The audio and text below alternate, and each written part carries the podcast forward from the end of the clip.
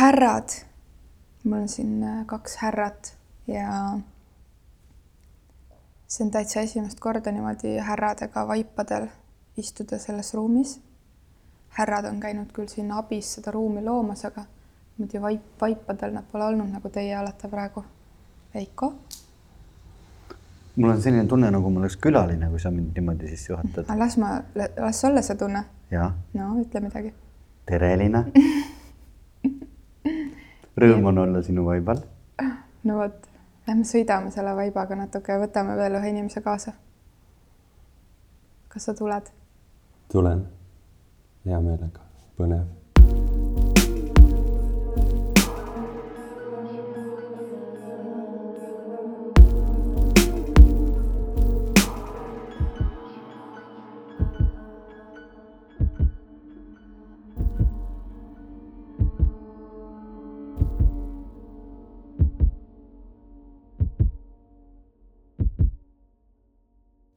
tere, Henri Hütt. tere. ja meil on külas täna Henri Hütt ja enne kui me Henri juurde läheme, üks mõte, mis mul tee peal siiapoole jalutades oli, oli see, et ähm, või see mõte külastas mind juba varem. et see on tegelikult esimene meie podcast'i osa, mida me salvestame pimedas. meil on kogu aeg äh, olnud aknad või valgus või me oleme olnud õues ja mõned nädalad tagasi oli Elina alles Berliinis ja jalutas. kui soe seal oli? ikka sihuke kahekümne kandis. no vot ja täna on meil siin, mis see on, kümme kraadi. väljas äh, ladistab vihma. aga minu meelest ei ole Eestis olemas halba ilma, kui sul on kummikud ja vihmavari ja kui sa oled soojalt riides. ja nüüd me oleme siin mõnusas hämaruses ja rüüpame teed ja ja tere, Henri, tõesti, ma nüüd hakkasin siin seda atmosfääri kirjeldama, aga mulle nii meeldib äh, mingit atmosfääre kirjeldada ja mõelda, et mis on need olukorrad, kus me oleme ja kus me kohtume nende inimestega ja ei olegi vist Elinaga hästi ammu olnud niimoodi kuskil vaikses kohas oma külalisega koos, et me olime siin ju augustis. ja ma üldse ei mäleta, millal me siseruumis viimati niimoodi vestlesime. et ma praegu vaatan sulle otsa ja siis. see saan... oli meie suvesaade. jaa aga et ma, et see on nagu kuskil kauges kehamälus, et ma olen sind niimoodi näinud. kuidas sina, Henri, suhtud sellisesse vihmasesse ilma? pigem esimene aisting on ikkagi selline kergelt romantiline poeetiline. ütleme niimoodi, et ma pean ennast kunstnikuks ja siis kunstniku jaoks on selline ilm väga inspireeriv, sest et on teatud piirangud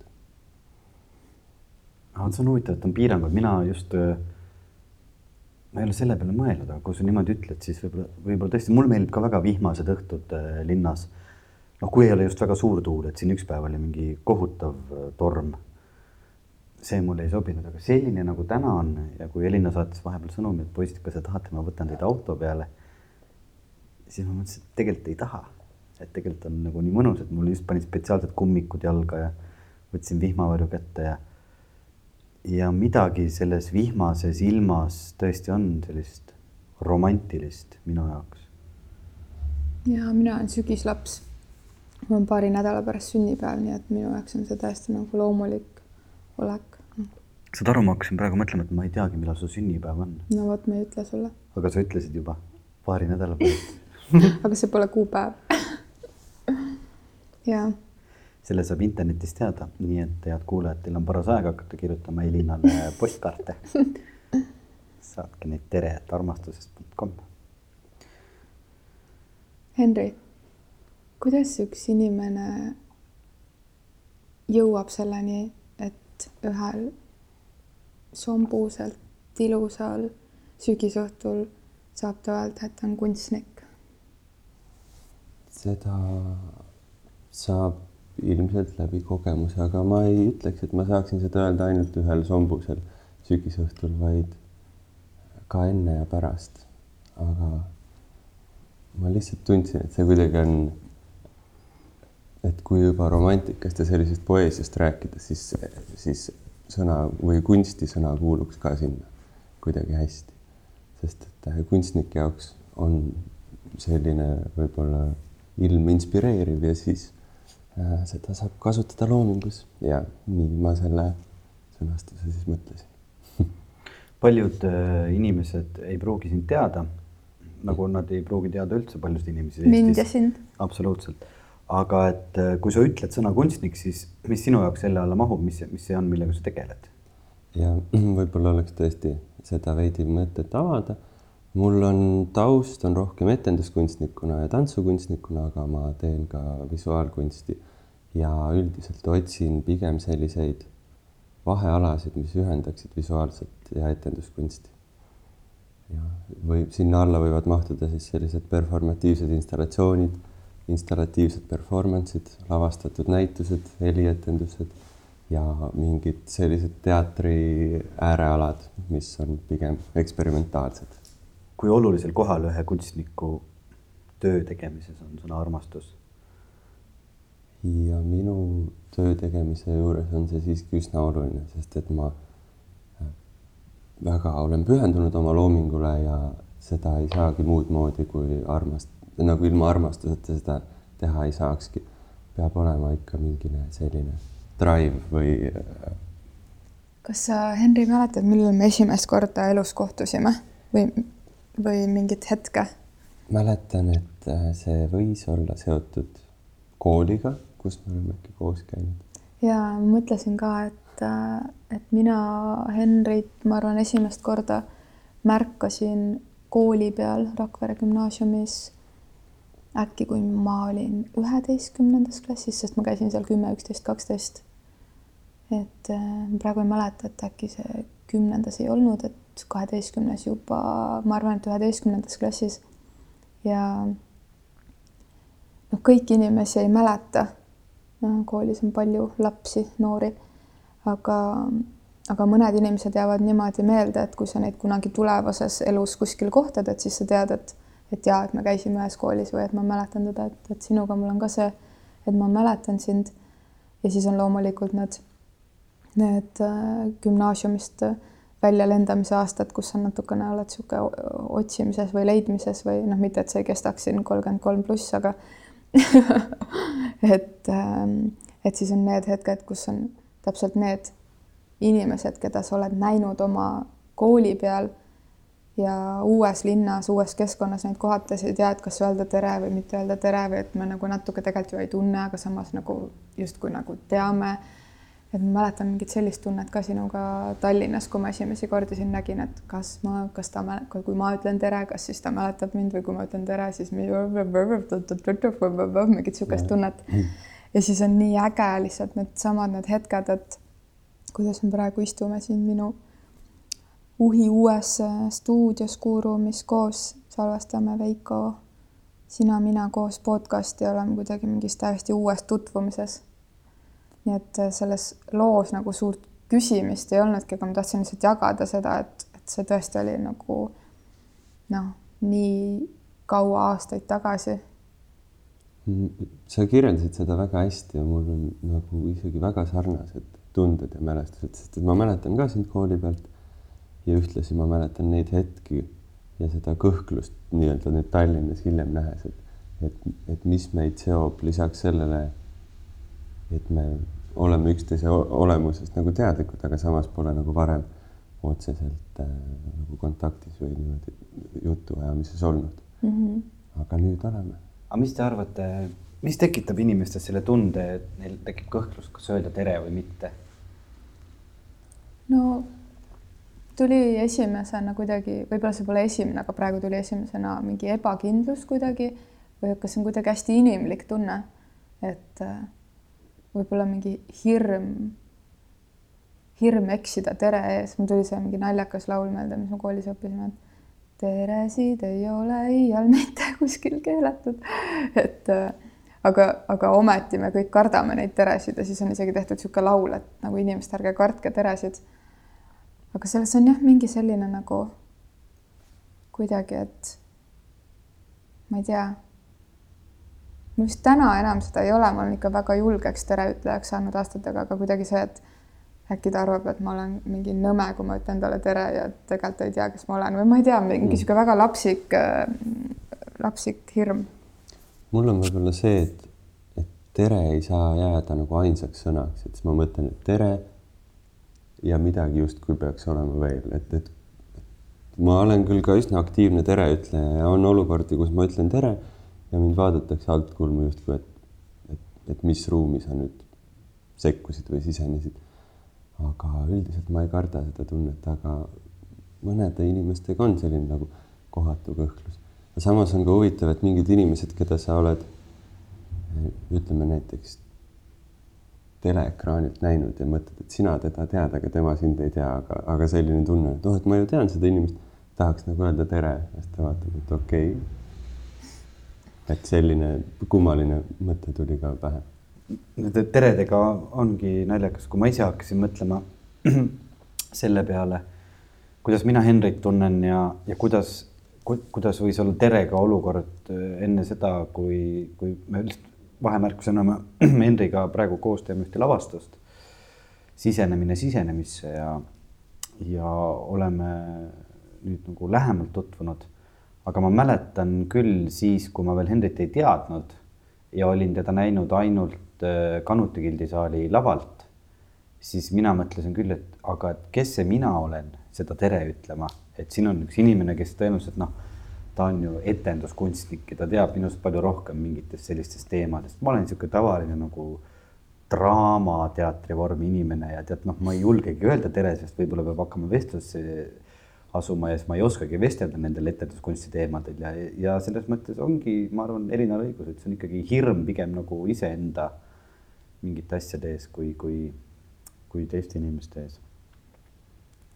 ja siis tulebki välja see niisugune tavaline tavaline tõsiasi, et, et meil kõigil need hirmud ja rõõmud on sarnased või nagu täpselt sama, sama kõhklus võib-olla teise, teisel pool, ükskõik mis positsioonil keegi asub. mul tuli üks naljakas asi meelde seoses selle tele, teleekraani ja, ja teleekraani tagusega.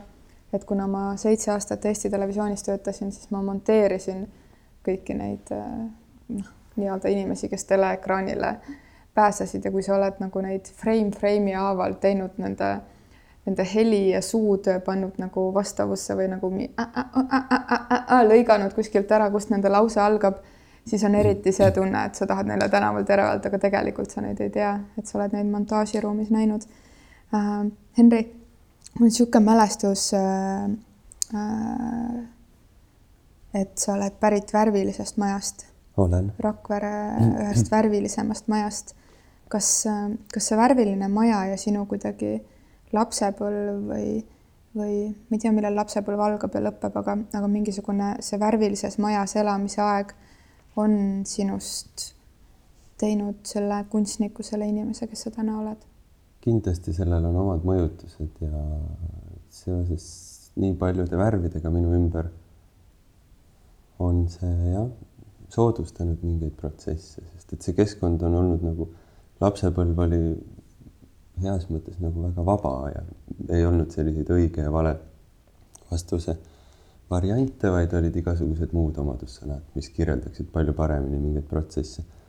ja kindlasti ütleme siis värvid võimaldavad ka või nagu noh, et kui on olemas juba nii palju värve, nagu on selles majas, kus ma elasin, siis see tekitab omakorda veel uudishimu, et äkki veel on kuskil veel ja nagu sellist äh, noh, heas mõttes nagu energeetilist otsimist on see kindlasti soosinud ja, ja, ja, ja energiat jätnud ja jätkunud.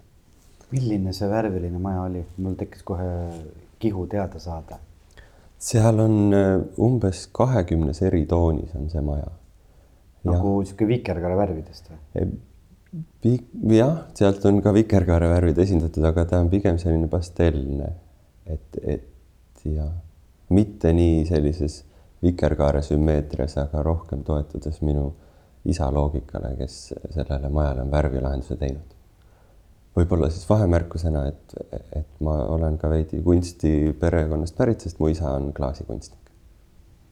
aga vii, vii meid natukene rändama selle maja sisse, kas sul on mingi lugu rääkida kuidagi, et sa, et, et sina kui kunstnik, sina kui looja täna et millised on, mingid lood või paar lugu sellest majast, mida sa mäletad kuidagi, kus sa said aru, et ma ei tea, et sulle anti vabadus valida, vabadus luua, vabadus otsustada, vabadus kasvada selleks Henriks, kes sa oled täna? see värvi, üks asi, mis ma selle puhul tihtipeale mõtlen, on, et need värvid ei ole nagu loogilises seoses. et näiteks, et tumesinisele peaks järgnema helesinine või vastupidi, et, et seal ei ole mingit sellist nagu jada, vaid on täis ootamatuseid. ja ma arvan, et ka selliseid valikuid olen ma ise teinud ka kunstis näiteks, et kui, et, et kui mingine stseen või mingine mõte tundub juba liiga loogiline, et, et siis tasuks ümberringi vaadata ka neid kõige ootamatuid seoseid. aga seal majas on lisaks sellele, et see on nii värviline, on seal ka ütleme, et see on üsna avar seest, et, et, et ei ole piiranguid, kui näiteks uksi vahepeal, et mõned, mõned toad on ehitatud niimoodi, et hästi palju on lihtsalt ruumi nagu avarust. aga samas on igalühel võimalus leida oma nurgake, kus lugeda või meisterdada või mõelda lihtsalt omi mõtteid. kui ma mõtlen selle peale tagasi, siis jah, ma nagu niimoodi ühtegi konkreetset lugu ei oska öelda, mulle nagu pigem meeldib sellest mõelda kui seisundist, milline tunne seal on, kui viibida. ja see seisund on alati väga heatahtlik ja soosiv olnud. Et seal on kuidagi jah, hea olla. kas see maja on täna ka sinu jaoks kodu või mis see kodu sinu jaoks tähendab täna mm,? sinna on alati hea nagu tagasi minna, siis kui käia vanematel külas seda ma ei pea enam otseselt koduks, kuna ma ei veeda seal liiga palju aega. ma mõtlen, et võib-olla ma pean koduks ikkagist seda, kus ma noh, nii ka päris ei saa öelda. ma tahtsin öelda, et see, kus ma nagu olen, aga ma võin olla väga paljudes kohtades ja väga lühikest aega ja siis ma seda veel ei pea koduks. kodu on vist see, kus sa oma käe järgi sead mingeid asju niimoodi, et, et sa saad aru, et see on sinu käekiri kas sul on oma käekiri kunstnikuna? kas seda kirjeldatakse juba väljaspool sind, ma ei tea, kriitikute, teiste arvajate poolt? kas sa ise oskad endast, iseennast endast välja tõsta ja vaadata kõrvalt, et jaa, Henri Hüti käekiri on selline? natuke ikka, ma ise kutsusin ennast pika, pikalt sellise terminiga nagu distant artist ehk siis kuidagi distantseeritud kunstnik ja see peamiselt tähendas seda, et ma, et ma loon küll mingi töö, aga ma tahan nagu ennast sealt võimalikult palju välja jätta. Et ehkki ma annan küll endast kõik sinna nagu töösse sisse ja need mõtted on nii ausad ja autentsed ja minupärased, nagu need on, aga samas, kui asi läheb nagu tähelepanu jaotamiseks, siis ma tavaliselt astun alati nagu sammu eemale ja tahan anda sellele tööle või neile mõtetele nagu rohkem. ja tehes nüüd tänapäeval võib-olla rohkem selliseid installatiivseid etendusi või lavastusi, äh, siis ma annan ka mingis mõttes nagu tähelepanu või võimaluse neile objektidele või teistele tegelastele jääda ise rohkem selliseks nagu funktsionaalseks tegelaseks seal, et et, et ma täidan lihtsalt mingit rolli selle jaoks, et ülejäänud protsessid saaksid käivitada. et äh, selles mõttes mulle meeldib oma loomingus teed anda sellele loomingule? ma teen teed, siis ma tahan teed anda teele, et kui keegi teeb mulle liiga palju komplimente teed tehes selle kohta, et mina olen selles väga osav, siis ma alati mõtlen, kuidas järgmine kord teha nii, et oleks rohkem teed ja vähem mind. nii et see sinu mõte kunstnikuna kõnetab mind. küsin äh, veel, et, et see kunstniku mõiste on minu jaoks alati väga selline nagu heas mõttes trigger'iga sõna kuidas sa tunned, kas äh, äh, kunst, see, mis on kunst, on tihtipeale väga kokkuleppeline mm -hmm. ühiskonnas ja, ja tihtipeale seotud väga äh, ma ei tea, moevooludega või, või et ma mäletan, et üheksakümnendatel oli mingi aeg, kus nagu mingis seltskonnas millegipärast äh, kuidagi näiteks Epp-Maria Kokamägi ei olnud äh, nii in kunstnik, et inimesed tõstsid oma maale kuskile peitu või katsid neid kinni. Ja siis kuidagi aeg läks edasi ja siis tõsteti need maalid jälle välja ja, ja täna ja juba, juba ammu kuni tänaseni on ta, on ta üks ägedamaid omanäolisi mingis mõttes nagu minu jaoks võib-olla julgemaid ja energeetilisemaid kunstnikke omas vallas, keda ma tean, väga naiseliku joonega, aga et mitte temal peatuda siis mis sulle tundub, kas kunstnik saab olla see inimene, kes on kunsti õppinud? Või kuidas see, kuidas see üldjoontes suures plaanis Eestis on mm,? üks asi on kindlasti nagu käsitööoskus kunstis ja teine asi on kunstniku elustiil mingis mõttes. ma tahaks öelda, et kunstnik on, noh, kindlasti ei ole nagu kunstikoolis käimine ainus võimalus kunstnikuks saada, vaid et kunstnik saab olla ka heas mõttes nagu isehakkanuna või siis sa tunned selle tunde ära endas ja on ka kunstnikud, kes on kunstnikud iseenesele teadmata, et nad tegelevad mingis asjaga ja teised ütlevad, et see on kunst, aga nende jaoks on see võib-olla heas mõttes mingine kinnisidee või mingine rituaal.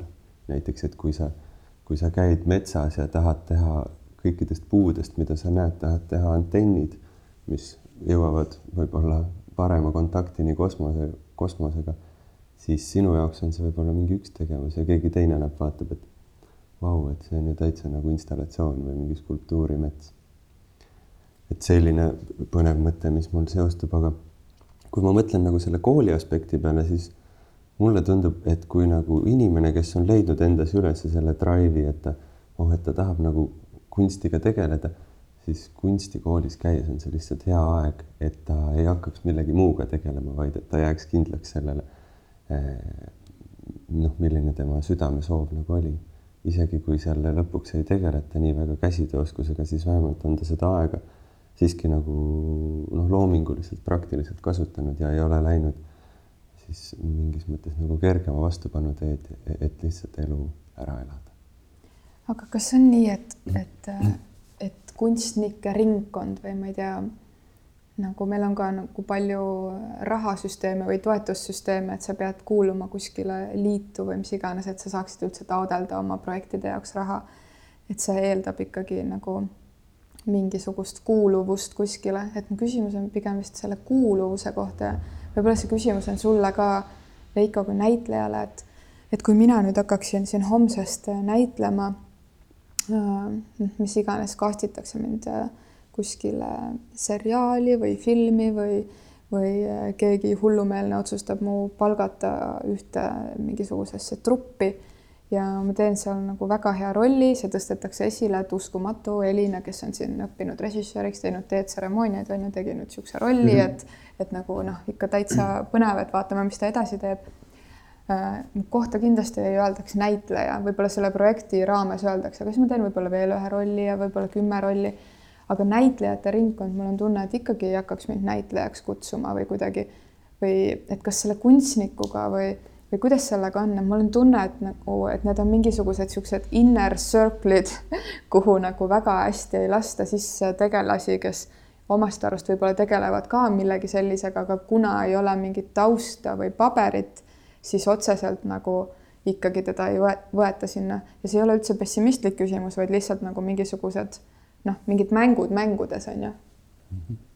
ühtpidi ma arvan, et see on seotud ka mingis, et tõestamisega, mida see grupp või kogukond nagu ootab, et, et selleks, et siseneda teatud reeglistikku. sisenemisse. jah, sisenemine sisenemisse, et siis ilmselt oodatakse, et noh, selline, ma arvan, et tegelikult entusiasmi toetatakse ikkagist suhteliselt kahe käega, sest et tihtipeale see ringkond võib olla juba üksteise mõtetest teatud mõttes juba nii nagu noh, et nagu teadlik, et kui tuleb värsket verd või uusi ideid, siis ma tahaks öelda, et see situatsioon on pigem entusiastlik ja antakse võimalus iseenesest, et kas sind alguses siis kohe hakatakse näitlejaks kutsuma, aga ma arvan, et, et läbi või kunstnikuks või, või mis iganes näite me toome, aga läbi sellise paari näite, mis sa siis ette võtad, ma arvan, et tulemused võivad väga positiivsed olla.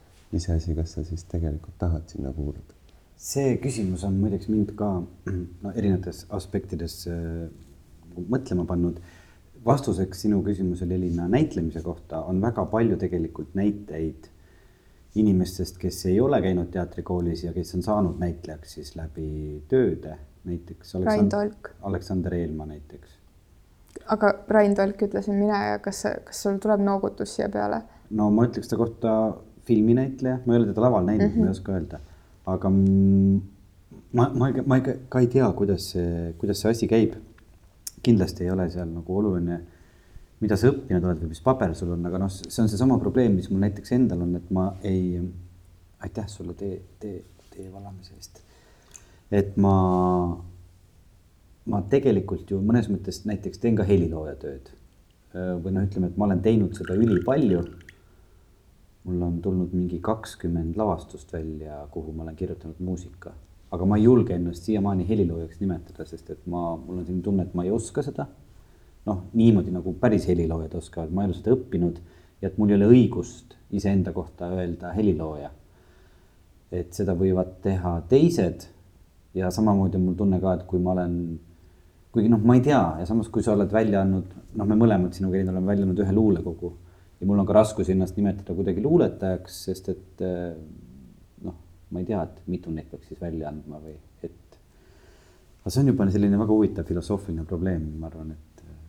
see on põnev teema see tegelikult teema, ja minu meelest see nagu tihtipeale just nagu sellistel kunstialadel, kuna äh, ma ütlen niisuguse suure üldistuse, et nagu kunsti või kultuuriringkond on, on niisugune kriitiline mass ühiskonnas, kes on pisut emotsionaalsem võib-olla äh, kui, kui mingisugune, kui me üldistame mingisugune teine gruppkond inimesi. et äh, mm, meil äh, täna on pühapäev, siis nel-, neljapäeva, jah, neljapäeva õhtul oli Rahvaraamatusse luulenädala lõpetamine ja mind kutsuti sinna koos Doris Kareva, Üllar Saaremäe, Ladislav Korsatsiga mm,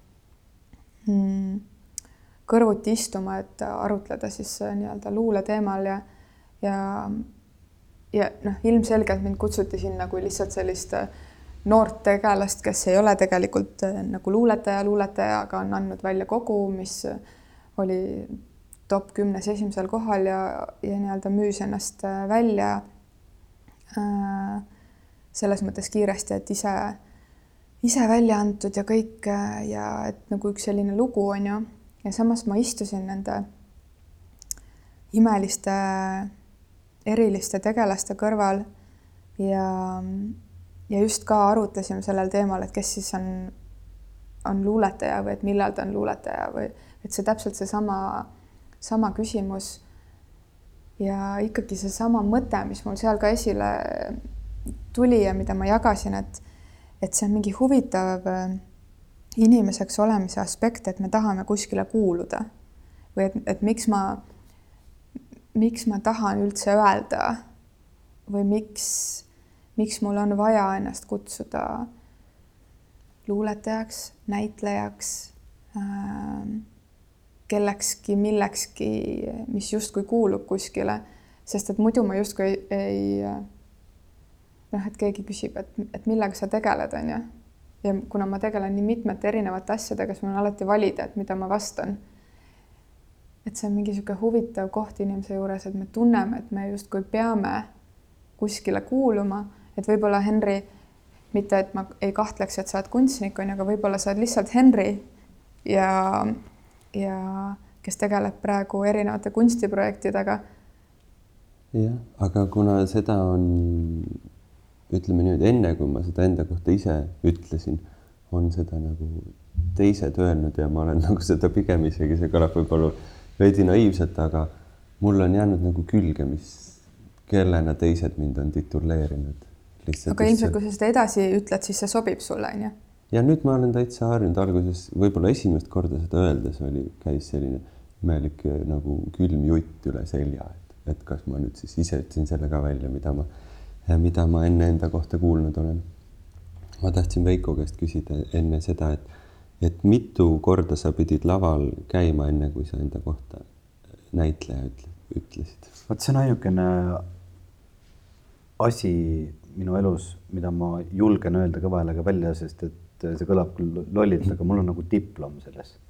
et keegi on mulle kirjutanud, te olete lõpetanud näitleja eriala mm -hmm. ehk siis, kui keegi mulle ütleb, et mis näitleja, ma ütlen, näete, palun, siin on minu paber mm, -hmm. mina olen näitleja mm. -hmm kõikide nende ülejäänud tiitlitega on alati raskusi ja, ja siis ongi noh, tänapäeval ongi inimesed tegelevad nii paljude erinevate asjadega, et, et tegelikult oleks ka lihtsam enda kohta võib-olla öelda kunstnik mm, mm. -hmm. sest et noh, helikunstnik, teatrikunstnik, luulekunstnik, noh, lavastuskunstnik, no noh, mida iganes. Et see on, see on huvitav teema küll, sest et ma ei, ma ei julge väga kõva häälega kunagi midagi, midagi peale näitleja välja öelda, sest et siis ma kardan, et keegi võib tulla ja ütlema, et aga mis mõttes mina olen käinud neli aastat õppinud lavastamist ja nüüd sa ütled, et sa hakkad siin mingit asja lavastama, mis lavastaja sina oled mm -hmm.? sest me käisime eh, hommikuprogrammis teles ja siis seal all olid ka nagu, et pidi olema, et noh, et kes me siis Tiitel. oleme, jah, Tiit. Ja siis eh, ma igaks juhuks küsisin enne ja seal oldi meile mõlemale nii-öelda vaikimisi pandud alla näitleja mm. -hmm. ja ma just sellepärast nagu mõtlesin, et et ma küll ennast näitlejana ei tunne, et see, mida ma laval teen, see ei ole kindlasti näitlemine. see on ikkagist nagu etenduskunstnikuks olemine. Aga ütle inimestele, kes kuulavad, et mida sina õppinud oled või kas sul on ka mingi diplom? ja ma olen õppinud, ma olen lõpetanud bakalaureuse koreograafia erialal ja siis magistri etenduskunst või selles mõttes nagu tegevuskunst kui performing arts ja uusmeedia äh, EKA-s mm. -hmm. nii et mul on nii-öelda haridus nii siis nagu lavakunsti poolelt kui ka siis nagu visuaalse kunsti poolelt. nii et võid ennast kunstnikuks nimetada küll. paberid aga... on olemas aga kui me tuleme tagasi sellesse ajajärku või aega, mis oli selle Rakveres selle värvilise maja ümber. see on see üks standardküsimus, mida me oleme ikka oma külalistelt küsinud, et, et kas sul on mõni esimene mälestus, mis meenub sõnaga armastus või mingi emotsioon või mingi lugu? see võib olla ka neljas või viies mälestus jah, mõni ikka on. kui ma mõtlen korraks selle maja peale tagasi ja selle avatud ja soosiva keskkonna peale, siis selle kõige juures on võrdlemisi paradoksaalne see, et perekeskis nagu vanemate suust ma pole seda sõna armastus nagu üldse kuulnud, sest et see väljendus rohkem nagu tegevuslikult nii-öelda, et, et, et või ma näen seda pilgust või ma näen seda sellisest hoolimisest ja hoolivis, hoolimisest. aga samas me niimoodi kunagi ei ütle see on lihtsalt, ma ei tea, nagu rohkem seisundina seal. ja siis, kui ma olin, oli aeg sealmaal, et, et astuda suhetesse erinevat või nagu, et mul oli siis esimene tüdruksõber.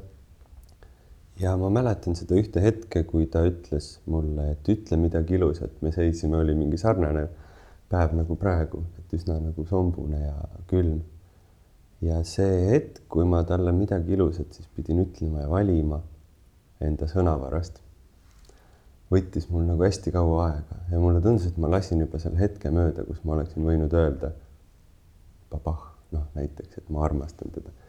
ja kuna ma lasin selle hetke mööda, siis me lihtsalt seisime seal nagu päris kaua. kuni tundus, et okei okay,, et talle ühel hetkel nagu tal hakkas juba kahju minust, kes ma ei suuda nagu siis nagu ennast verbaalselt formuleerida ja midagi siis öelda. see hetk jäi mulle päris hästi meelde. Ja hiljem ma muidugi suutsin seda talle öelda. ja siis see oli isegi päris hea tunne.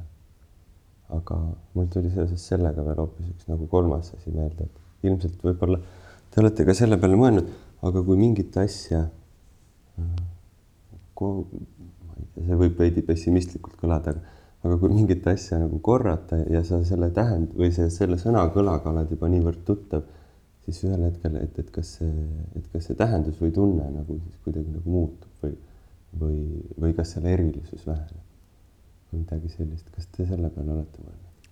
näiteks yeah. ka selle armastuse enda sõna.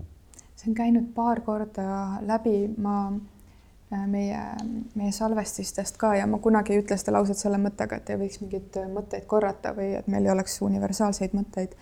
Ähm, vaid Irje Karjusega rääkides ka tõi selle, selle näite, et see inglise keeles I love you, I love you, I love you on ju, et see on nagu niisugune nagu noh, nagu niisugune või, sulavõi, mhm. mis on, mis on praktiliselt iga lause all või kuskil vahel ja siis ta nagu tuleb, vahepeal tõuseb ja seda öeldakse ikkagi sellises läänelikus kultuuriruumis noh, see, ma ei tea, oled inimestega lihtsalt kogenud mingisugust ägedat võib-olla ühte-kahte päeva või, või asja ja siis, kui on see final haaks ja, ja et maybe someday kuskil üle vikerkaare või üle kontinentide või, või me kohtume ja siis kõik kallistavad ja, ja, ja läänlased ütlevad, et oh, I love you või midagi niisugust, et siis minu jaoks on alati niisugune, ma imetlen nende seda avatust mingis mõttes ja teisalt nagu ma tean ju, et ta tegelikult ei armasta mind, ta isegi ei tunne mind et kuidas, kuidas ta saab mulle öelda I love you või tal on nagu mingi teise kõlaga I love you selle inimese jaoks, keda ta päriselt love you on ju mm. -hmm ma olen mõelnud äh, selle ingliskeelse versiooni peale ja teine koht eesti keeles on minu lapsega, kes on viieaastane, kes äh, ütleb mulle päevas umbes sada viiskümmend korda, et ma armastan sind. ja, ja ma ühel hetkel, kusjuures meie, ma arvan, et meie podcast viis mu selle mõtteni ja seesama I love you ring, et ma küsisin talt, et äh, kallis, et ma kuulsin, et see tuli tal lihtsalt nii, et, et ta tegelikult mängis oma toas umbes legodega ja ma olin köögis ja tegelikult oleks võinud mulle hüüda, et, et umbes, et emme, et, et ma ei ole sind, sa ei ole krabistanud umbes viis minutit, et kas sa oled ikka olemas. noh, et umbes, et kas sa oled seal, onju. aga selle asemel ta hüüab nii, emme. Siis ma olen jaa. ma armastan sind. ja siis ma läksin tema juurde, ütlesin, et, et, et kallis, et mis, mis sa mulle tahtsid tegelikult öelda, onju ja siis ta selgitaski, et ta tegelikult tahtis öelda, et, et ma lihtsalt mõtlesin, et kas sa oled olemas või kas sa oled seal. ja teine koht, kus ta on öelnud, ma armastan sind kuidagi lihtsalt niimoodi, et ta kõnnib must mööda, ma armastan sind, läheb edasi ja siis ma olen ta samamoodi peatanud, et, et mis su, mis see praegu tähendas, kui sa ütlesid, et ma armastan sind. siis ta ütles, ma tahtsin, ma tahtsin sulle midagi öelda, aga mul läks meelest ära, mis ma tahtsin öelda, siis ma ütlesin, ma armastan sind et mm ja minu jaoks oli nagu, need on nii ilusad hetked olnud, sest et ta nagu päriselt suutis selgitada mulle mm, -hmm. et mhm. see ei olnud päris see, ma armastan sind ja ta suutis selgitada, mis selle taga oli. Ja siis ma hakkasin nagu mõtlema selle peale, ma armastan sind, et üks väike laps, ta armastab mind, mina armastan teda. aga et ta kasutab seda väljendit kuidagi selle turvatunde silla loomiseks, mingi kontakti leidmiseks. nii et äh, ma ei tea, ma arvan, et sellel sõnal on väga palju, sellel lausel on väga palju mingeid erinevaid neid kontakti otsimise või niisuguseid natukene nagu kompamise hetki. Darja on minu laps. meil on oma, oma armastus olemas, aga kui need laused on inimeste vahel, kes ilmselgelt päriselt ei armasta üksteist, aga seda mhm. öeldakse mingil kasvõi et tšau, homme näeme ma ei tea, mina lihtsalt ei ole see inimene, kes seda ütleb niimoodi.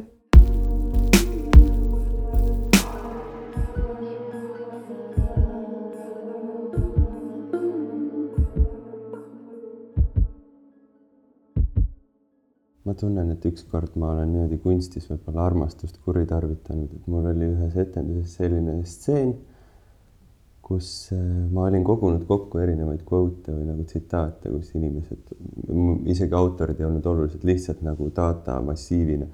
Neid oli päris palju ja selle tegevuse taustaks ma lihtsalt hüppasin hüppenööriga oma tuhatkond hüpet. ja sellel hetkel ma mõtlesin, mul oli pärast nagu isegi kuidagi hingeliselt kahju, et ma selle tegin, aga samas mulle tundus, et see stseen on väga sobiv sellesse performatiivsesse aktsiooni ja kui sa nagu hüppad seal ringi ja nagu kogu aeg selline mingi äh, üsna nagu monotoonne tegevus, mis nagu väsitab või noh, et see nagu ikkagist inimesena, sa väsid selle kogu see hüppamise peale ja sa väsid ka samal ajal oli projitseeritud need kvoodid nagu iga hüppega nagu tuli teatud nagu tekst avanud. Ja kui ma pärast küsisin inimestelt, et nagu kuidas see siis mõjus, siis nad ütlesid, et see oli nagu päris väsitav, et kui sa esimest korda näed seda I love you et käib nagu mingi tunne läbi, aga kui sa näed seda juba mingi kahesajandat korda niimoodi järjest, et, et kuidas see nagu veidi nagu devalveerib või nagu ka nagu Andy Warhol kunagi tegi, prindib ühte nagu imidžit või pilti nii kaua, kuni noh, lihtsalt see nagu mustri jätkuna on midagi, et see tähendusena enam ei olegi nagu midagi või siis omandab nagu uue tähenduse. Et siis ma pärast nagu tundsin tagantjärgi, et kas see siis ikkagist nagu armastusele kuidagi liiga tegemine ei olnud, et, et ma teda nii suurel hulgal ja sellises kontekstis nagu näitas. kas need kõik kvoodid olid armastusega seotud või? ja kõik kvoodid äh, sisaldasid nagu seda kolme sõna nagu ma armastan sind. ja üldse praegu on ju nii palju uusi meediume tulnud, kus mingil kujul seda sõna avaldada, et ma just viimasel ajal olen jälginud iseenda neid vestlusi kuskil Facebookis või sõnumis, seal on emotikonid. ka ju seal on need see punane süda ja sinine süda ja südamesilmadega naerunägu ja siis see emotikon, kes suust sulle musitab südame välja. et lihtsalt ka niimoodi viskasin selle emotikonide teema siia õhku, et siin, seal on ka, need on ka omal vaiksel viisil ikkagi ju armastusavaldused mingil määral. on ju, selles mõttes, et ma näiteks, kui ma suhtleks tööasjus mingi inimesega, keda ma tean umbes neljandat korda, ma ei saadaks talle kunagi seda sõnumit, kus on naerunägu ja need südamed silmades aga noh, sulle, Elina, ma saadan hea meelega selle, sest ma tegelikult sellel hetkel, kui ma vajutan selle südametega naerunäo peale, ma ikkagi mõtlen nagu, nagu kerge niisuguse nagu armastusannuse peale. ma ei, ma ei saada seda kunagi ilma põhjuseta. Mina, noh, ma ei tea, mida teevad mm -hmm. need noored inimesed, eks ole, see noor generatsioon ja kõik nad on juba rikutud ja ütlevad kakssada korda päevas. et ähm, et see on mõnes mõttes võib-olla ka niisugune nagu turvaline armastuse avaldamise viis, see Aga südamepiltide saatmine. kui ma sinu persooni võin natukene paari lausega avada siin, et, ähm, et me ei tunne ka üksteist väga kaua ja meil ei ole noh, mingit tohutut armastuslugu äh, tänu sellele, et me ei tunne üksteist nii kaua. ma ilmselt võin kõva häälega öelda, et me kindlasti oleme üksteisele mingi mingis osas sümpaatsed ja, ja, ja sina mulle väga meeldid, Veiko. et äh, aga kui ma mõtlen selle peale, et need emotikonid, mis sa oled mulle meie vestlusesse pannud ja see, kuidas sa minuga tavaliselt oled, siis sa, muidu ma ei tunne küll nii palju seda niisugust nagu musutamist või seda nagu, et mis selle emotikoni taga võiks olla, neid tundeid, et mul on tunne, et virtuaalselt sa oled palju julgem minuga kui nagu siis, kui me kohtume ma arvan, ma olen virtuaalselt mingit nagu üleüldse julgem mm -hmm. inimestega, sest mulle tegelikult äh, inimsuhted kui sellised päris nii hull see asi ei ole. aga ma hakkasin muideks mõtlema selle, selle teemale, kas teil on äh, saab vahel armastusest kõrini? Niisugune väike äh, vahepõige. ei üldse, see on teema edasiarendus, ma ei tea. noh, ütleme, kui me räägime siin sõna I love you devalveerimisest, devalveerumisest ja ma arvan, et mu elus ei ole nii palju armastust olnud, et mu, et ma kuidagi nagu. ei, aga vahel ütleme, okei okay,, ma sõnastan selle ümber. vahel on niisugune tunne, et. vahel on tunne, et. et elu saab otsa ja, ja ei viitsigi armastada. nii palju igast muid asju on teha, hakka veel siin või ütleme, okei okay,, armastamine võib-olla, see on selles mõttes nagu radikaalne, et ma arvan, sellist inimest ei ole olemas, et eh, noh, mingi armastus kuskil ikkagi nagu on, ükskõik kasvõi siis nagu päikse vastu või nii. aga sihuke, et ei viitsi armuda, ei viitsi nagu mitte midagi teha, ei viitsi uute inimestega tutvuda, ei viitsi suhelda, ei taha üldse, see on nii raske, ei soovi. Kas see on siis mingite sündmuste järgnevuses või seda, või see saaks olla ka lihtsalt, et mitte midagi pole eelnenud ja sa saad ka sealt seda tunnet tunda nii-öelda puhtalt lehelt? vot ma ei tea, ma pigem isegi ütleks, et ei ole mingite sündmuste järgnevuses, vaid on lihtsalt. Äh, lihtsalt, et hakkad pihta ja nüüd, nüüdsest. ei no äkki üks päev mõtled, et issand, kui nüüd peaks millegipärast juhtuma, et ma siin lähiajal armuksin. no kohe üldse ei taha ma olen, äh, see on nüüd äh, nii, kui sa siiamaani need viimased laused, mis sa rääkisid, ma natuke kompasin, et mis sa täpselt mõtled. aga see viimane lause, mis sa ütlesid, see kõnetab mind väga, sest et, sest et äh, ma praegu olen sellises kohas oma elus, kus ma täpselt nii mõtlen, et jumal tänatud, et ma ei ole kellessegi armunud, sellepärast et nii palju asju vajab äh, tegelemist ja fookust. Ja, ja ma olen päris hea praegu selles fookuse sättimises, et ma ei saa endale hetkel lubada armumist. ja mingis mõttes see on nagu lollakas mõte, sest et mm, -hmm. sest et tavaliselt siis nad eh, tabavadki sind ja on väga ägedad ja, ja lihtsalt ongi elu, on ju. aga et, et see see mõte nüüd mind kõnetas, et. no ma ei osanud seda alguses sõnastada. et see, kuidas ma, et ma, et mina täpselt praegu sel sinasel hetkel olen selles kus ma mõtlesin, et jumal tänatud, et ma pole mitte kellessegi äh, kuskil äh, armunud, sest noh, ma armun nagu mingi naistesse, meestesse, müüjatesse, mingid, see on nagu noh, niisugune, et see on nii hea, sest ma suudan oma fookust hoida ja tegeleda äh, nende asjadega, mis on pooleli ja mis vajavad mu full tähelepanu. aga seda siis sa saad kontrollida ka kuidagi? ma ei, absoluutselt ei saa. absoluutselt, ma ei tegelikult usu. vist ei saa aga lihtsalt hea, et ma pole aga lihtsalt ma nüüd tõesti jälle siin räägin endast, aga, aga vaata, mul on nagu kogu, kogu aeg läbi elu ma nagu mäletan, et ma olen nagu olnud pidevalt armunud. noh, erinevatesse inimestesse, situatsioonidesse. aga praegu siin sügisel ma tunnen, et nagu ei ole. just, ma ei räägi nüüd armastusest, ma räägin lihtsalt armumise tundest mm, -hmm. praegu ma räägin armumisest aga, aga, aga kuna ma nagu kogu aeg olen olnud, siis, siis mul nagu tekib küsimus, et, et kas see on nüüd probleem, et ma ei ole või et ma peaks nüüd armuma või, või on siis lihtsalt vanus jõuab juba sinnamaani, et ma niisama mõtisklen siin, aga ma mõtlen, ma mõtisklen sellepärast, et ma arvan, et on inimesi, kes meid kuulavad ja kes suudavad ennast samastada minuga, ma tervitan teid aga kas see on sul esimene sügis, kus sa nii tunned? kas sel aastal tuleb sügis teisiti? issand, ma ei tea. kuidagi, ma ei oska isegi sõnastada seda, aga mingi sihuke nagu, nagu elaks mingisuguses äh, tunnelis. vaata, kõnnid lihtsalt ainult otse. aga et, kas sa naudid seda tunnelit või? ma ei tea praegu on veel okei okay.. mulle meeldib see, et eelmine jutt ja mõte oli emotikonid ja, ja siis tuli niisugune tunnelihüpe. nii et see minu emotikonide asi, mida ma nagu hakkasin peas natukene nagu lahkama. lükkame sinna tagasi, sest see minu teema, see tunnel tõenäoliselt ei vii mitte kuskile. ühesõnaga, kui keegi kuulajatest on ühes tunnelis ja on seal Veikot näinud, siis andke meile teada, äh, milline ta, milline ta sealt välja, milline ta seal välja näeb, milline ta näib, milline ta tundub ja juhatage ta ja siia tagasi aga need emotikonid.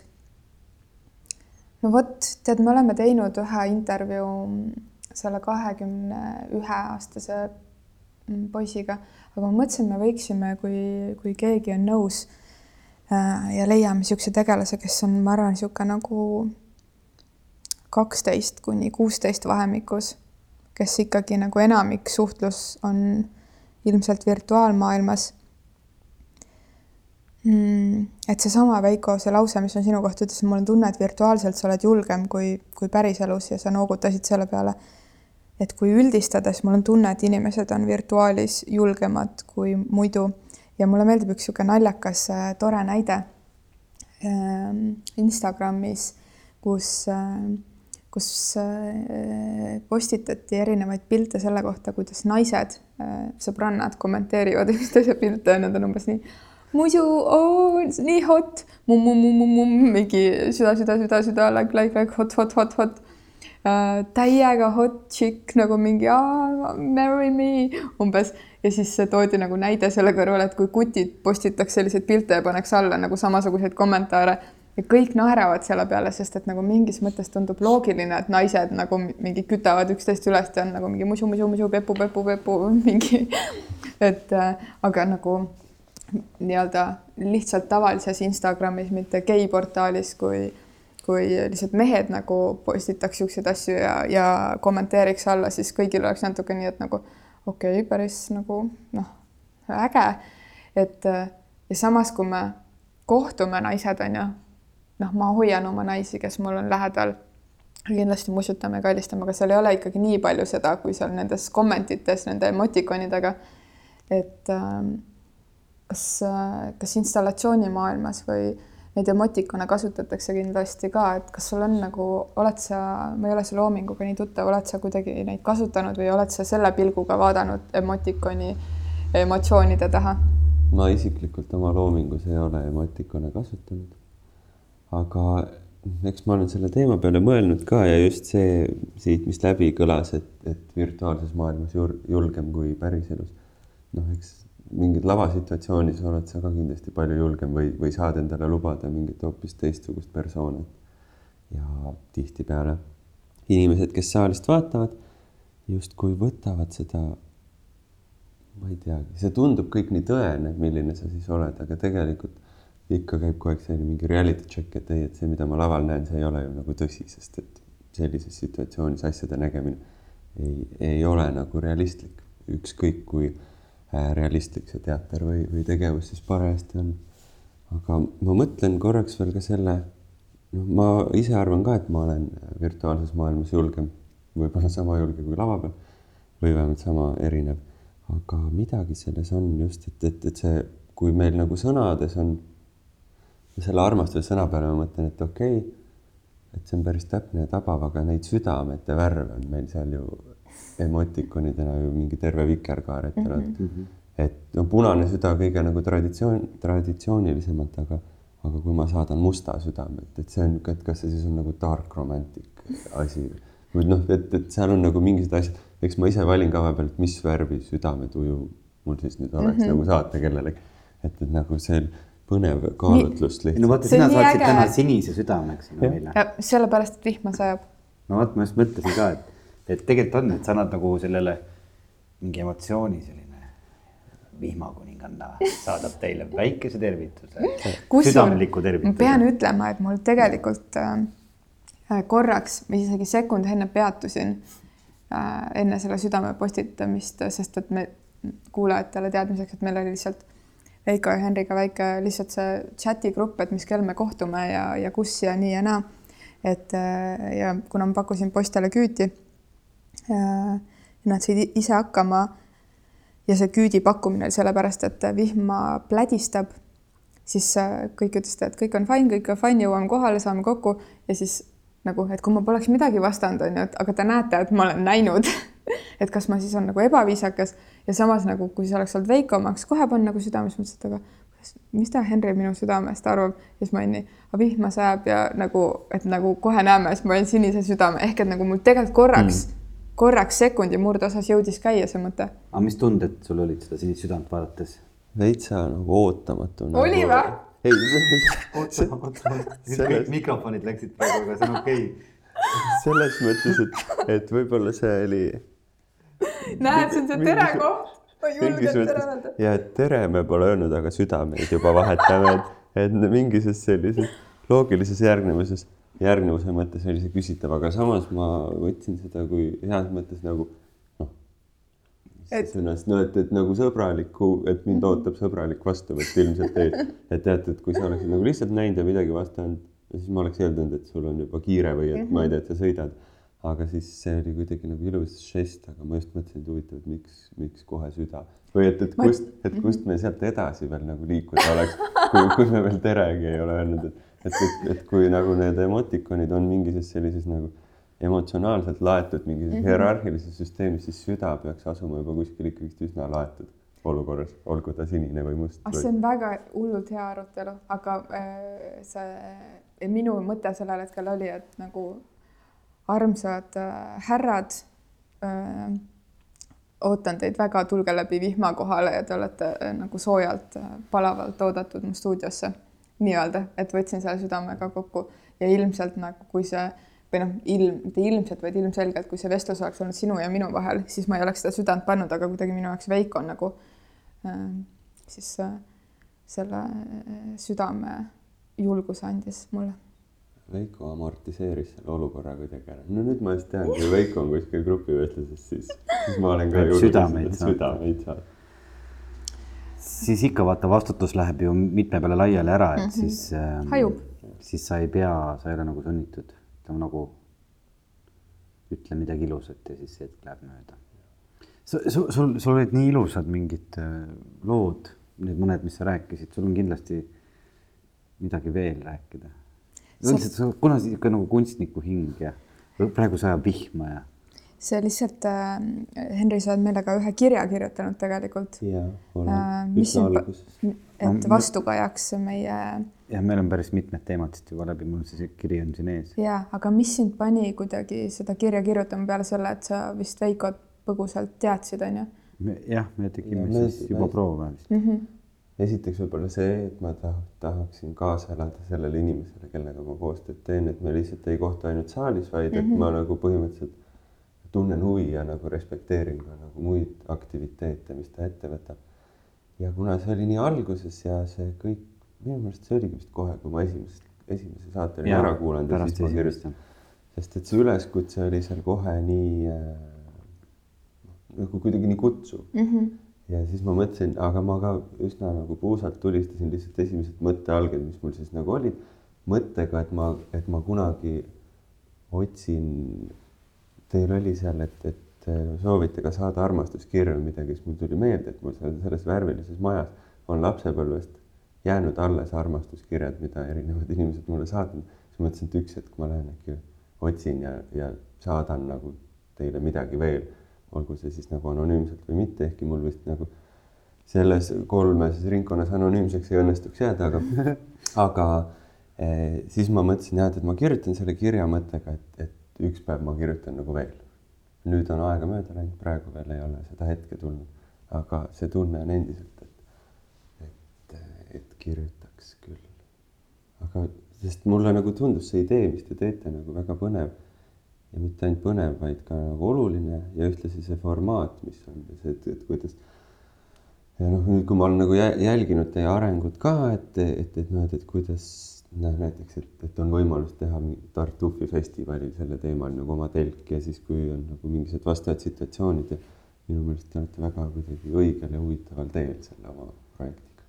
et igal juhul tahtsin toetada niivõrd, kuidas alustuseks võimalik oli mõnus. aga kas ma seal kirjas, nüüd ma olen tõtt-öelda, ma tean, et me oleme paar teemat küll justkui nagu läbi teinud, aga kas seal oli midagi? Äh, ja me, me rääkisimegi siin, esimene oli see armastuse avaldamise, ma armastan sind ah,. siin on küsimus, kas mõju on keeleti erinev? et näiteks see, et kas inglise keeles teisele I love you on lihtsam ja erinevam öelda kui eesti keeles. on sa veel teed natuke või mm? -hmm, ma panen sulle ka.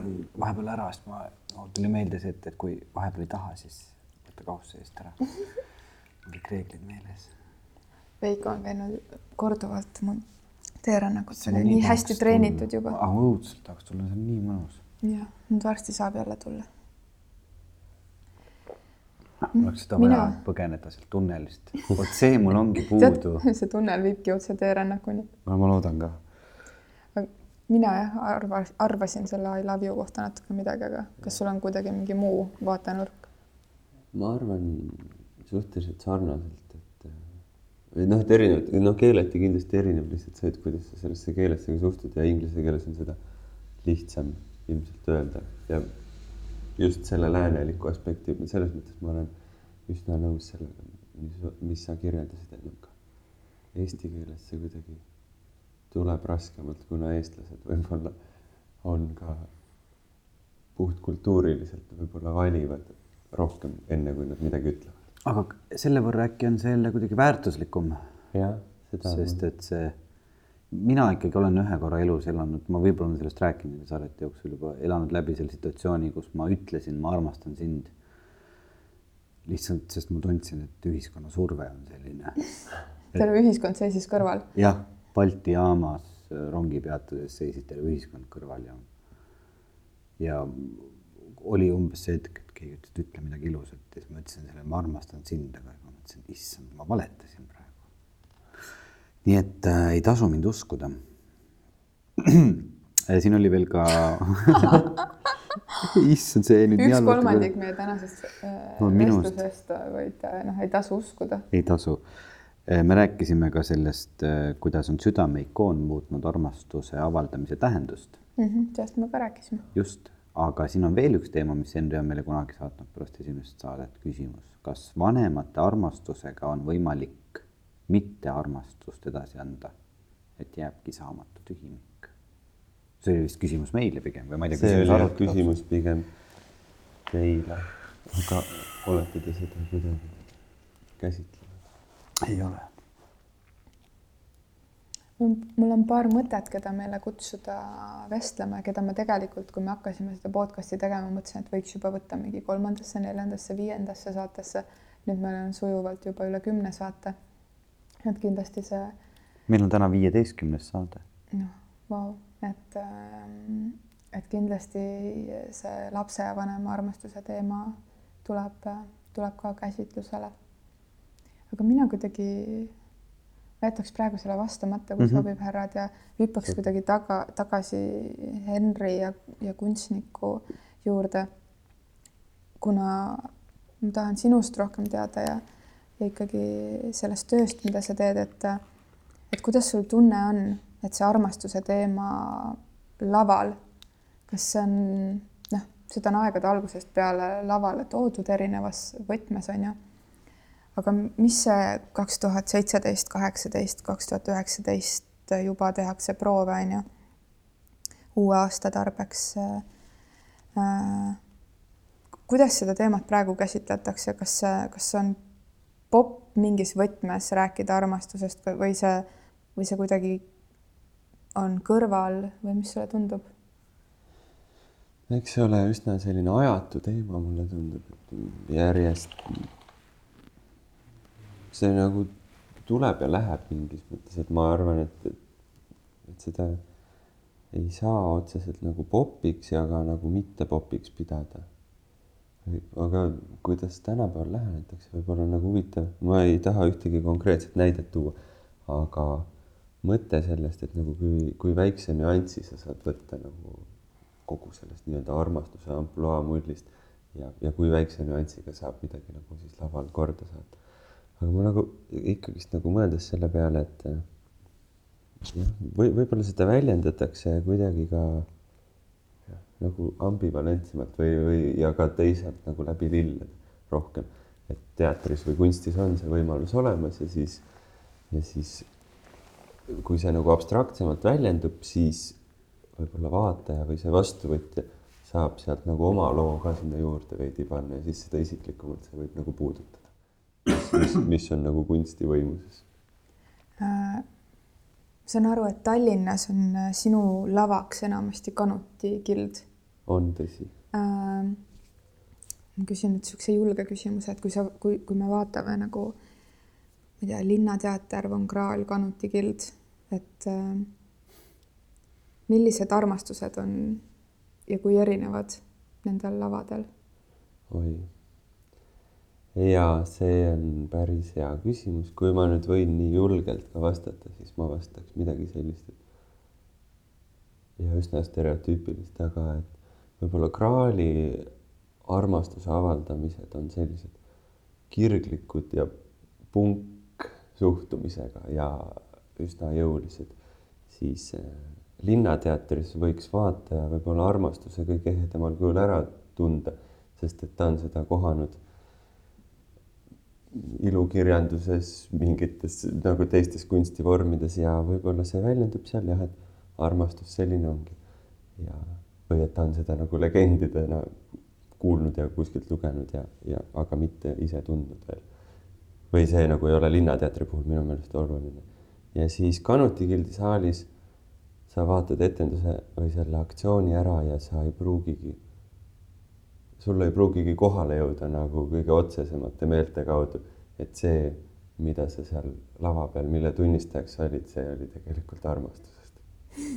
võib-olla sellise, sellise, sellise nii-öelda variatsiooni pakuksin mina.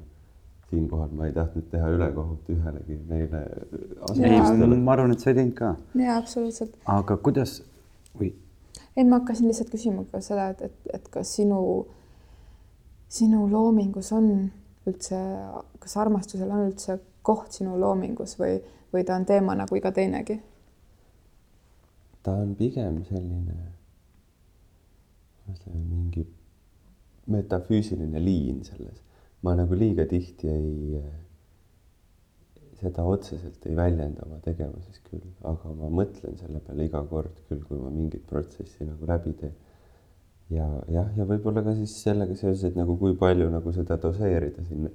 et see võib-olla nüüd korraldub, et kui Veiko enne mainis seda, et kas vahepeal saab nagu armastusest küll, siis mulle tundub, et ma vahepeal mõtlen enda tööde puhul seda, et kui tuleb mingine selline noh, liiga nagu, see on küll okei okay sõna, et nagu ima all et siis ma tunnen, et äkki seda armastust on doseeritud nii-öelda nagu lava kontekstis võib-olla sinna liiga palju ja tasuks natukene veel mõelda et.... aga kas see on hirm selle ees, et äkki on liiga ilus või? ka seda või siis, et äkki on liiga loogiline ja lihtne. sest et mulle ikka meeldiks kangesti läheneda mingit, et, et seal on veel sada metafüüsilist liini ka lisaks sellele, mis, mis ma siis ajan. aga miks ei või olla ilus ja lihtne?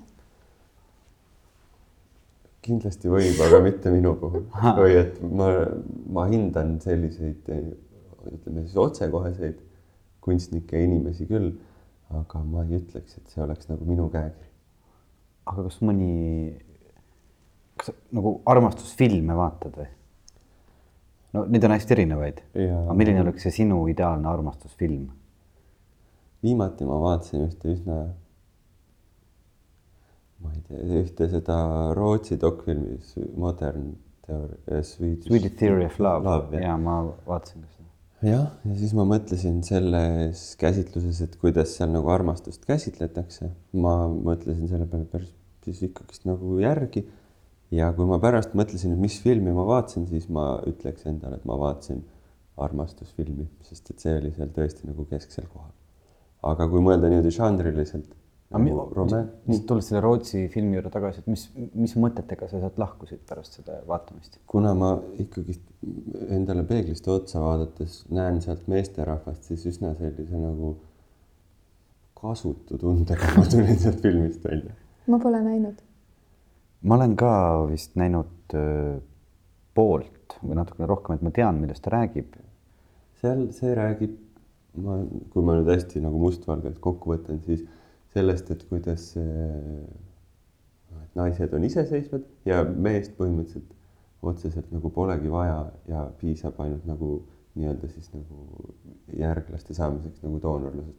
see on üks aspekt ja teine aspekt sellest filmist on see, et kuidas seoses sellega pole nagu ka sellisel nagu perekondlikul süsteemil enam tähtsust, sest et nagu edukuse tõttu ei vaata need persoonid enam nagu tagasi oma vanemate poole ja nagu inimesed jäävad järjest üksikumaks mm.. et see on üsna selline, et jah, nagu erinevate teooriate poolest oli see nagu väga põnev vaatamine ja see ei ole, seal ei ole kindlasti nagu, see ei ole selles mõttes nagu romantiline või kuidagi armastusega seotud vaatamine. aga kui tuues just selle nagu, mis ma ütlesin, et Kanuti gildi saalis vaatab inimene etenduse ära ja ei pruugi alguses arugi saada, et see võis olla armastusest, siis selles filmis, kui ma nagu tagantjärgi mõtlesin, siis see, et see oli, et see oli film armastusest, on, on ikkagist äh,, jäi mulle nagu meelde. aga see sinu lause, mis sa ütlesid, et, et, et sa kardad, et või noh, et, et see hirm, et äkki on liiga imal või, või ilus või see äh,. kas see on kaitse ka millegi eest ehk et nagu see, et ei oleks nagu et ei oleks liiga ilus, et kas see on kaitse kuidagi, kas ma äkki ma saan sinust liiga palju teada? ka seda ma olen mõelnud selle peale küll, et ja pigem on see kaitse selliselt, et et jätkuks mingine jätkusuutlikkus, ma ei taha kunagi ühegi projektiga või asjaga lõpuni ära öelda, et nii, sest et kui ma nagu oma mõttega jõuaksin sinna, et, et nüüd sai see öeldud, siis ma ei tea, kas ma nagu tahaksingi järgmist protsessi enam alustada kas see on hirm, et kunstnik sinust saab otsa ja peab kuskile mujale liikuma? võib ka jah, alateadlikult võib-olla küll, sest et kui kõik saab öeldud, et miks siis nagu või miks siis uuesti minna sellesse protsessi midagi justkui ütlema asuda. ühtpidi jah, võib-olla veidi kardan küll, aga mulle nagu meeldib jätta see hetk selliseks, et, et siitkohalt lause jätkub ja siitkohalt või mõte jätkub ja siitkohalt mõte jätkub mingi hetk. kas sa elus oled teinud armastuse nimel imalaid asju või väga emotsionaalseid asju või kuidagi käitunud väga hullusti või väga suurelt või? jah, jah, olen ikka küll ja tagantjärgi mul on selle üle ainult hea meel, ehkki siis vahepeal võis küll tunduda, et no näiteks inimsuhetes, et, et juba teatud inimestega on nagu suhted väga stabiilseks loodud ja siis ühel hetkel kui justkui hakkas üks uus mõte kummitama, siis mõtled, et, et kas nüüd, et kas ma nüüd nagu romantika või armastuse nimel põletan kõik sillad, mis sellega kaasnes ja võtan selle teekonna ette selles suhtes, mida mu süda tunneb. ja väga hea, et nii tegin. jah, aga neid, neid hetki ikka on olnud, need on olnud päris sellised ja siis on küll see magamatus ja selline kogu aeg nagu äre, ärev olev ja millelegi muule mõelda ei saa. ma ütleks, et see selline romantiline stress on vahepeal väga tervitatav millal sa viimati armusid? Mm. tahaks öelda, et hiljuti, aga aga see hiljuti oli rohkem mingisse situatsiooni koos mingite inimestega, mitte otseselt kellessegi persooni. et võib-olla see keskkond pluss teatud kombinatsioon inimesi. selline tunne, nagu oleks vestlusega alles alustanud, aga me ei pea veel lõpetama, ses mõttes, et me ei ole üldse piiritletud saadete pikkustest ega asjadest. aga me vabalt võime. täitsa veel sellise mõistliku ajajoone sees, ma ta-, oota, ma tahtsin midagi veel küsida, üks asi oli see. ja ma ütlesin, aa, hästi, ma tahtsin üks hästi lolle küsimusi lõpus küsida, et milline oleks sinu unistuste abielu ettepanek meile just sisenes äh, stuudiosse üks mees tänavalt, kes otsustas ka küsimusi küsida. ta tahab saata meie kaassaatejuht, tema nimi on Vallo Täht see on siis niipidi, et mulle tehakse ei, ma tegelikult mõtlesin nagu seda, et kui sina teed, et kui me rääkisime nüüd tegelikult kogu sellest teemast, et, et kui palju on seal emotsioone ja selliseid asju. Et ütleme, et kui sa teeks abielu ettepaneku, siis ja vaatad nüüd ennast kui inimest, siis millises vormis, milline see võiks olla, olles ise veel ka etenduskunstnik? just. olles ise etenduskunstnik, siis nii-öelda nagu tööalases kontekstis ma seda igaks juhuks ei teeks. see oleks jälle üks nendest, mida ma mis võib-olla lava kontekstis mõjuks liiga lõpetatud liigutusele see jah, ma otseselt ei ole sellel teemal kunagi fantaseerinud, aga mingisugused stereotüüpilised klišeed ikka löövad pähe. ja, aga kuna ma olen hästi space ja site sensitive tüüp või nagu hästi ikkagist nagu kohaspetsiifilisus on minu jaoks oluline, siis ma mõtleksin selle õige hetke tabamise peale vastavalt nagu keskkonnale mu ümber ja kuna mind pigem tõmbavad sellised külmemad ja tühjemad ja inimkaugemad lokatsioonid, siis kui ma satuks oma kaaslasega kuskile sellisesse kohta, kus mitte mingi muu informatsioon meid justkui ei häiriks ja seal ei oleks kedagi rohkem ja seal nagu ei, ei oleks ka mitte mingit muud infot ja olekski selline heas mõttes totaalne vaakum ja selliselt puhtalt lehelt tulla nii tähenduslike sõnadega, võiks olla päris, võiks olla päris minu teema küll. kosmoses? Kosmos oleks hea, siis saab veel nagu gravitatsiooni kaotades lihtsalt õhku tõusta ja kas siis nagu kokku plahvatada mõtle, see oleks päris lahe. lihtsalt kõnnid äkki kaob gravitatsioon ja. Veiko, kas sa teeksid muusika sellele? aga sellel on raske teha muusikat selles mõttes, et see oleks mingi selline. see ei peagi kerge olema. ühe. Tead, mida aeg edasi, seda raskem on üldse igast asju teha nii muusikat kui kirjutada. Läks tagasi tunnelisse. ma läksin tunnelisse tagasi, ma just maadlen praegu erinevate kunstiprojektidega, sest see on üks normaalne Eesti inimene, kes on suutnud endale võtta kolm-neli erinevat kunstiprojekti korraga ja siis saab päeva lõpuks aru, et et, ähm, et ta lihtsalt kõnnib oma seal tunnelis ja loodab, et tuleb see gravitatsioon ja kisub ta sealt maast õhku ja. Mis sul seal ähm, pusa peal kirjas on? Love ja peace ah,. Peace mm, -hmm. ma lugesin space alguses kuidagi, kui su käsi oli ees. kuule, aga mina no, tahaks küll äh, lõpetada selle vestluse. lõpetame ära, jah. Ähm, mõttega, et äh, ükskõik, kas see on siis abielu, abiellu hüppamine, abielust, abielu sisse hüppamine, abielust välja hüppamine, kohtumine, armumine, väljaarmumine, et seda teha sellises, sellises kõigivõimalikkuse vaakumis, tähetolmus või universumis. nii et see on meaningful, tähenduslik, tähenduslik ja, ja et kõik osapooled on kohal. see kuidagi kõlab hästi see kõlab kõige ausamalt kõigi osapoolte jaoks. kellel äh, on soovi meie tegemisi toetada, siis äh, minge palun veebilehele patreon.com kaldkriips armastusest ja kuulake sealt meie erisaateid ning toetage meid või siis jälgige meid sotsiaalmeedias Instagramis, Twitteris, Facebookis ja rohkem neid kohti ei olegi tegelikult. koduleht on ka armastuses.com ja meiliaadress tere.armastuses.com ja nüüd mul on küll tunne, et me võiks minna sinna, kaotada gravitatsiooni ja minna kosmosesse ja öelda üksteisele aitäh. aitäh. aitäh ja aitäh, Henri. Meie oleme oma Telegrambist ka saanud nüüd kaugemale, Sinised südamed on ka vahepeal saadetud, vaatame, kas need tulevikus muudavad värvi äh,.